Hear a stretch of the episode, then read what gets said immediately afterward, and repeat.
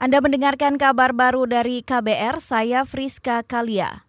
Saudara Komisi Nasional Hak Asasi Manusia Komnas HAM memprediksi periode lima tahun mendatang konflik agraria, terutama yang berhubungan dengan pembangunan jalan tol semakin meningkat. Komisioner Komnas HAM bidang mediasi Munafrizal Manan menyebut, dalam tiga tahun terakhir, Komnas HAM telah menerima lebih dari 50 pengaduan terkait sengketa lahan pembangunan jalan tol.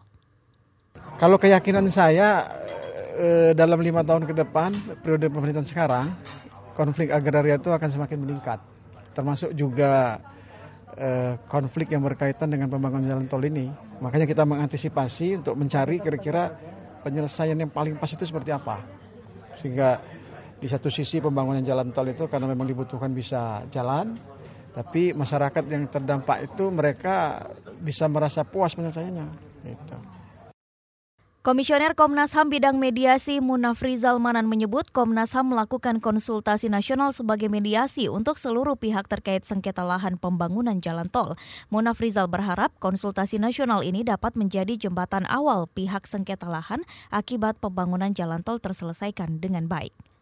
Beralih ke informasi selanjutnya, Presiden Joko Widodo ingin mengubah istilah gerakan radikalisme menjadi manipulator agama. Saat membuka rapat terbatas dengan jajaran menteri di bidang politik, hukum, dan keamanan, Presiden Jokowi langsung memerintahkan menterinya memikirkan strategi efektif untuk meredam radikalisme tanpa menjelaskan alasan mengubah istilah gerakan tersebut.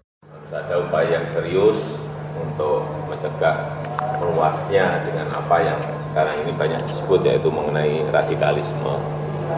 Atau mungkin nggak tahu apakah ada istilah lain yang bisa di, kita gunakan. Misalnya apa, manipulator agama Presiden Jokowi juga menyerahkan pembahasan istilah radikalisme menjadi manipulator agama kepada Menteri Koordinator Bidang Politik Hukum dan Keamanan Mahfud MD serta menteri-menteri di bawah koordinasi Mahfud yang juga disaksikan oleh Wakil Presiden Ma'ruf Amin. Sebelumnya sejumlah menteri di Kabinet Indonesia Maju pernah menyebut fokus kerja pemerintahan Jokowi lima tahun ke depan terkait memerangi dan menangani radikalisme.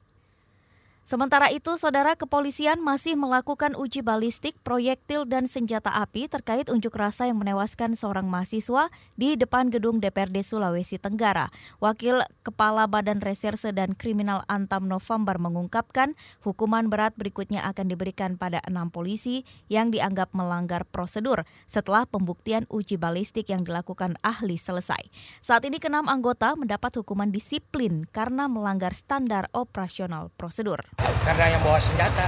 Uh-huh. Jadi senjatanya lagi diperiksa ke mana gitu, ke ke laboratorium forensik mana gitu ya. Ke luar negeri Pak katanya. Ya, luar negeri. Ya. Gitu. Karena kan itu harus ada sini jari senjata gitu. Hmm. Yang lebih akurat di sana biar hasilnya nggak bisa dipertentangkan lagi. Prosesnya ya. berapa lama? Nanti saya tahu. Itu tadi Wakil Kepala Badan Reserse dan Kriminal Antam November. Sebelumnya enam anggota Polda Sulawesi Tenggara dinyatakan bersalah saat menjaga aksi unjuk rasa menuntut Presiden mengeluarkan Perpu KPK yang menewaskan seorang mahasiswa Universitas Halu Oleo Randi di depan gedung DPRD Provinsi. Randi tewas akibat terkena peluru yang menembus dada kanannya. Beberapa saksi bahkan menemukan selongsong peluru di sekitar lokasi kejadian dan menyerahkannya ke Ombudsman Perwakilan Sulawesi Tenggara. Tenggara. Beralih ke informasi dari Jawa Timur, pemerintah Provinsi Jawa Timur akan memangkas sekitar 25 persen anggaran perjalanan dinas dan rapat di satuan organisasi perangkat daerah di lingkungan pemerintah provinsi.